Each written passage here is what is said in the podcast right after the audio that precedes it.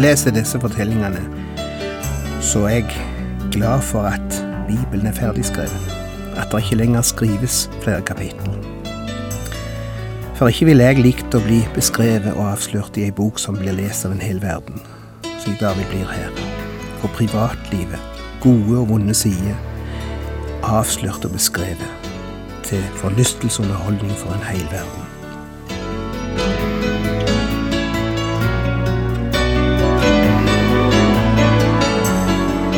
Hjertelig velkommen til et nytt program i serien Vindu mot livet. Vindu mot livet er basert på programserien Insight for Living ved Chuck Svindal. Programmet er produsert av Kristen Riksradio og blir ledet av Ola Bjoland.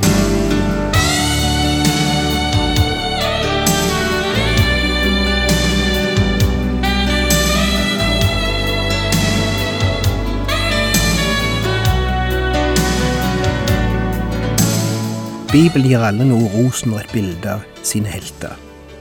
Når Gud tegner et bilde av disse helgenene som vi leser om i disse fortellingene, så får vi et veldig sant og realistisk portrett av dem. Det blir ikke lagt skjul på de mørke sidene i livet deres.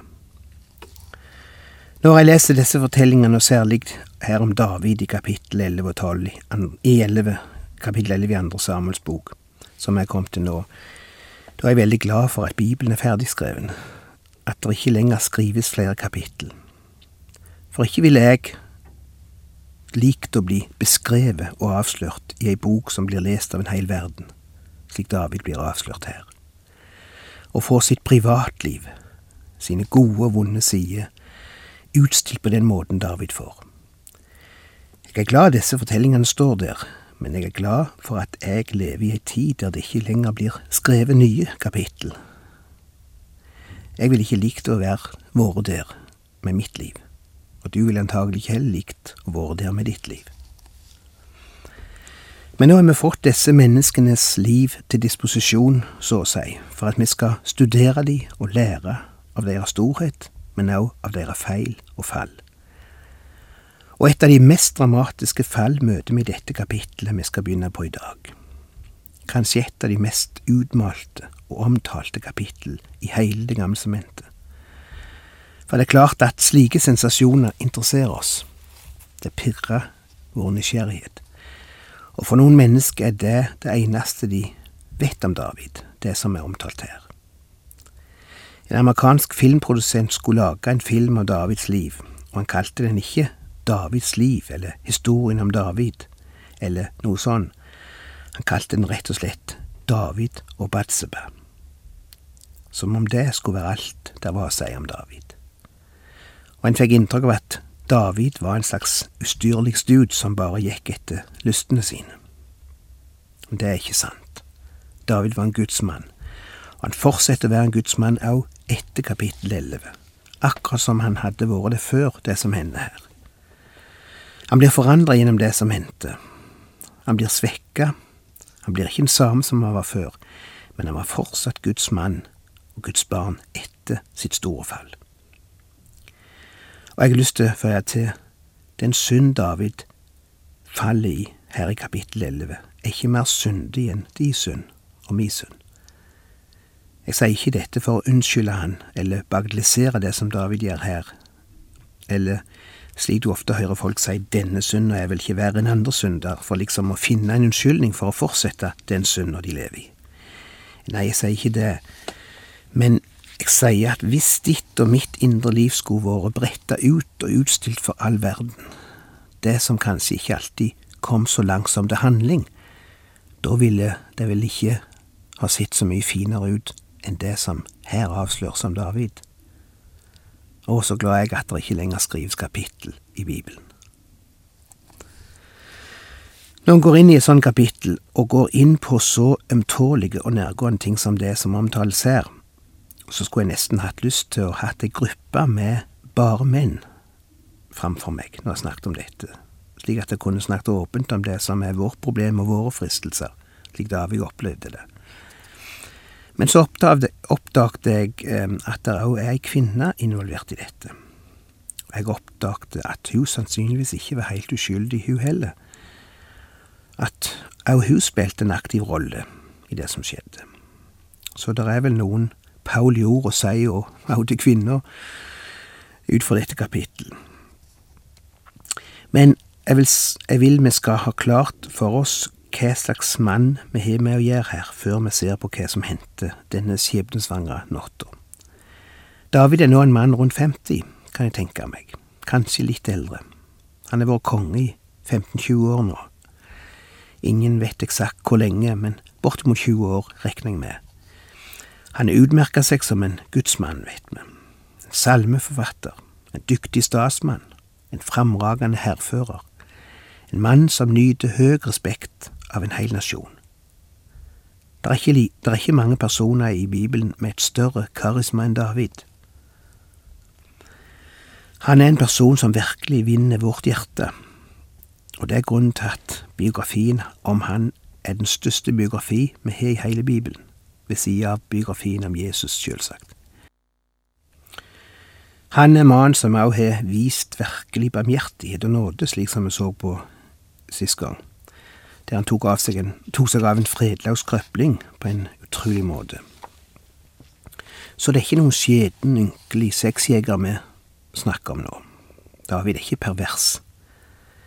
Han er en av de nydeligste skikkelsene vi finner i Bibelen. Han er en mann etter Guds hjerte, står det. Men han er et menneske. Han er et menneske med svakhet, akkurat som alle andre.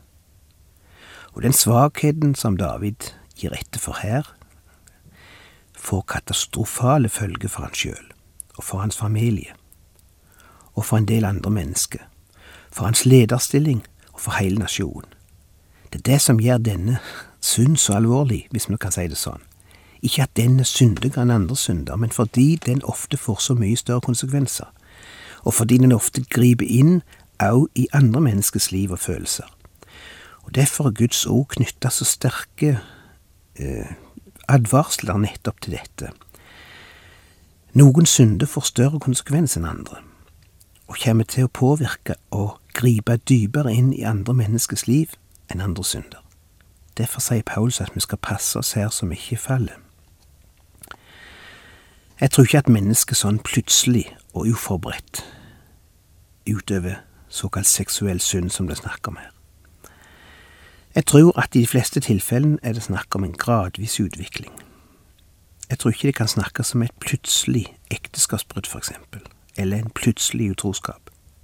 Selvsagt kan det skje i enkelte tilfeller, men der det forekommer utroskap, tror jeg det er et resultat av en lengre prosess. Og en del av den prosessen tror jeg er at en blir mindre og mindre på vakt, mindre og mindre nøye med det Paulus sier, kaller å passe seg. Hvis vi går tilbake til kapittel fem her i Andre Samuels bok, vil vi kanskje forstå at det som skjer med David her, ikke et plutselig og uventa fall. Etter at David hadde flyttet fra Hebron, tok han seg flere medhustruer og koner fra Jerusalem, og han fikk enda flere sønner og døtre. Og dette var ikke noe som var ok den gangen heller. Det var imot Guds ord. Hvis du slår opp i femte Mosebok 17, vil du se at der var der er det tre ting nevnt som skulle kjennetegne en konge i Israel. Eh, for det første, når du kommer inn i det landet Herren Gud gir deg, inntar det og bosetter deg der, og du så sier 'Jeg vil ha en konge over meg', liksom alle andre folkene rundt omkring meg.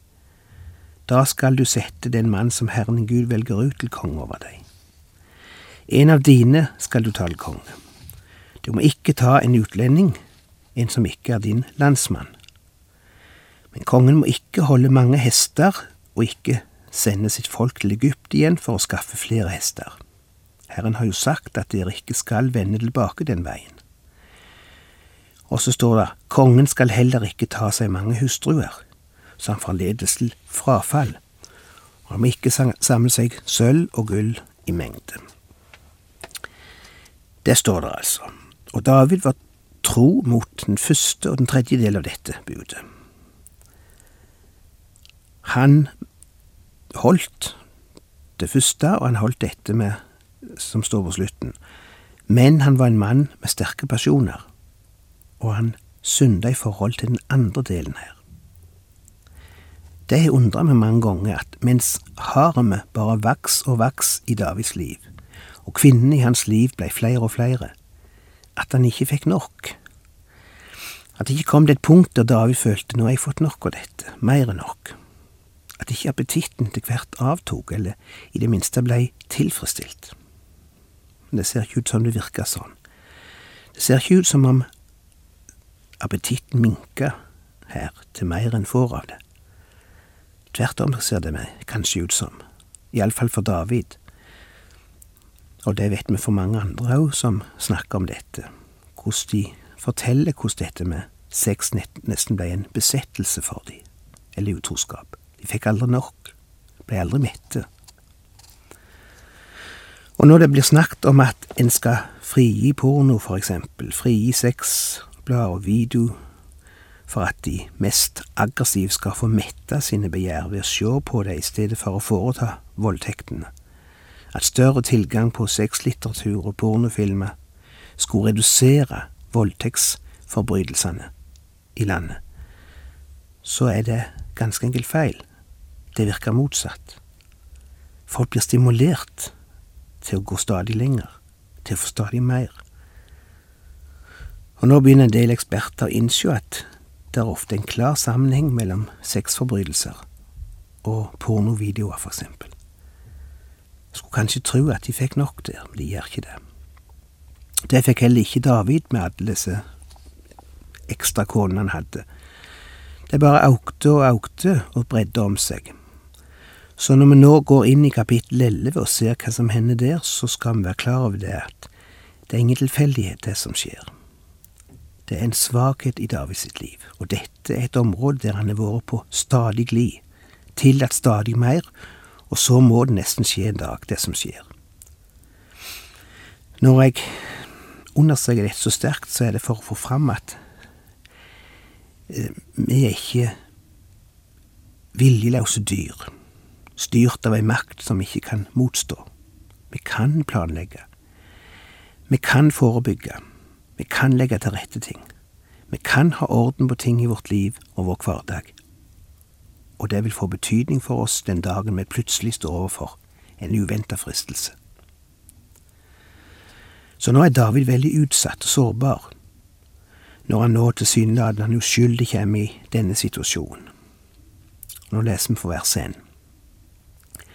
Året etter, på den tid kongene pleier å dra i hærferd, sendte David Joab og mennene hans og hele Israels hær av sted. De herjet ammonittenes land og kringsatte Rabba. Selv satt David hjemme i Jerusalem. Vet ikke hvor mye vi skal lese ut av dette avsnittet eller dette verset, men det er vel ikke helt tatt ut av lufta når noen her har meint at David skulle ikke ha vært der han var når han skulle ha vært i fronten på den tida. I plassen ligger han hjemme i senga og sender de andre til fronten. Det kan se ut som der ligger en liten antydning her i vers 1 om at David er på feil plass nå. Iallfall er han hjemme mens han sender folk ut i arbeid. Og det er vel ikke for mye om vi sier at nettopp dette med fritid og ferietid og Ledighet er en komponent når det gjelder fristelser og fall. De ofte kommer hyppigere enn når vi er travelt opptatt med vårt arbeid. Iallfall den type fristelser. Det er vår i Jerusalem, og da vil de ligge i senga og gjespe og strekke seg og får ikke til å sove. Ingenting spennende på TV denne kvelden. Han kjeder seg, ser det ut for. Og så skyver han dyna til sides og står opp og begynner å gå rundt. Det er en lys, fin vårkveld, han går ut på taket. Det er det vi leser i vers to. En kveld hendte det at David sto opp av sengen og gikk og drev på slottstaket. Kongene i Orienten hadde gjerne soverommet i andre etasje, og ei dør ut for soverommet leda ut til en slags veranda på taket, eller en balkong. Der hadde de gjerne en slags utesalong, der de kunne sigge og kose seg med familie og venner.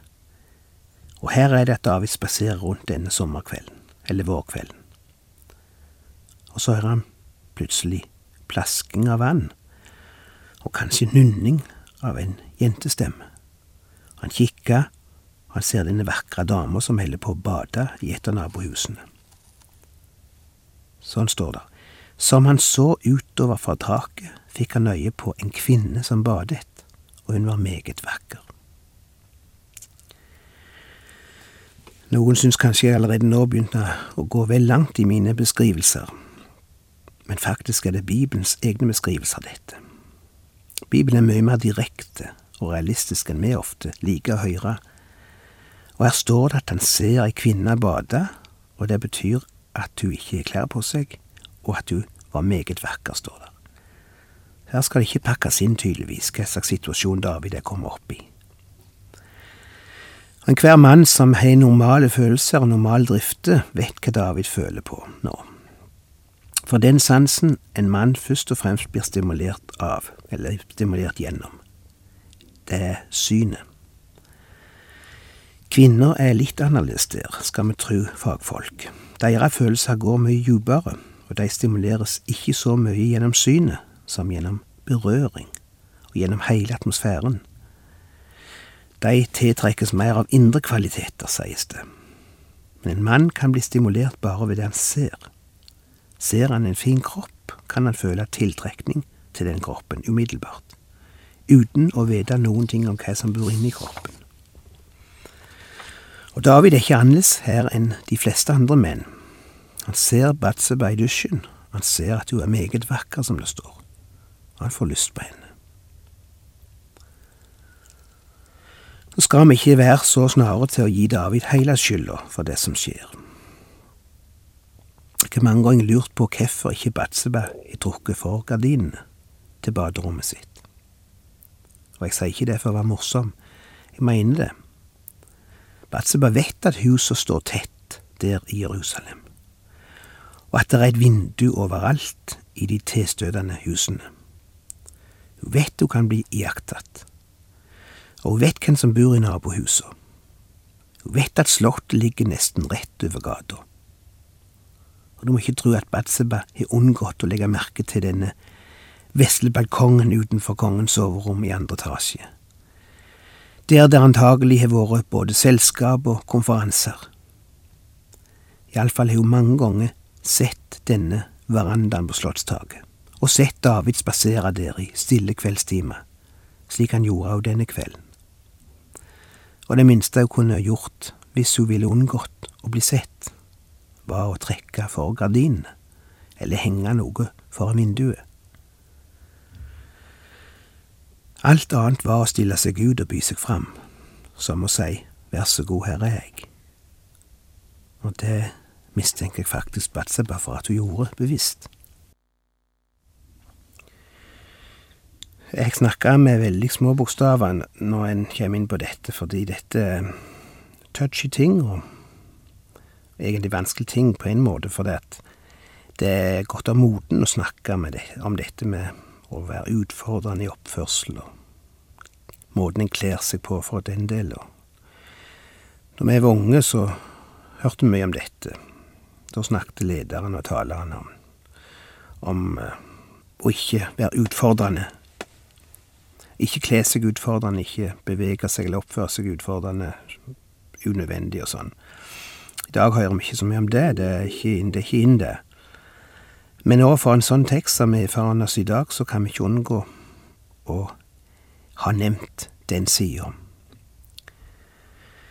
Eh, hører det nylig fra innvandrerhold Eh,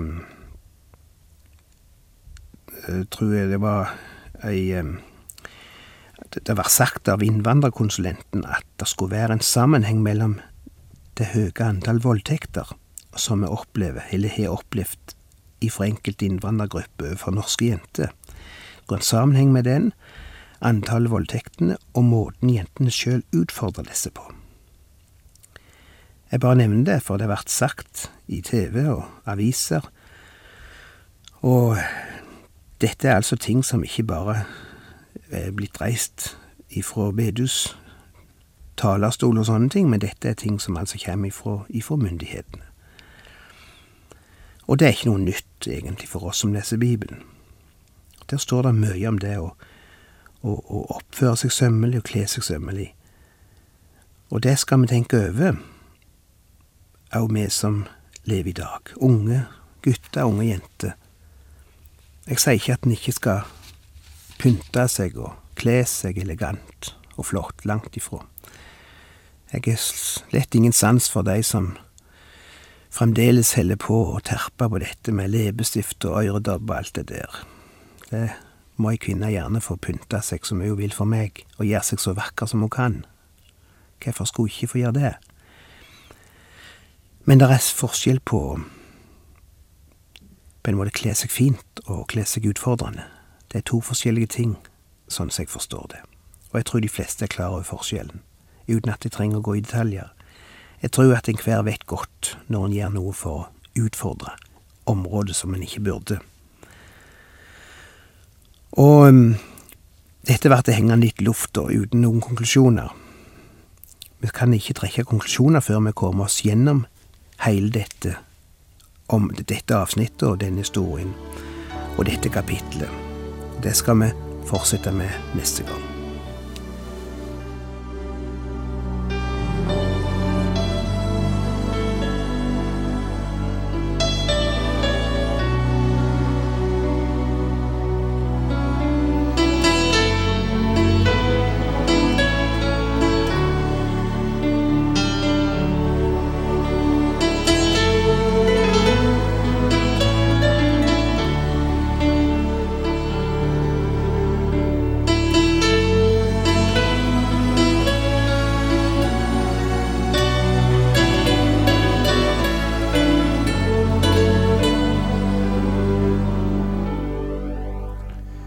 Du har lytta til Ola Bjoland i serien 'Vindu mot livet' fra Kristen Riksradios arkiv. Ola Bjoland var ansatt i Kristen Riksradio til han døde i 2002.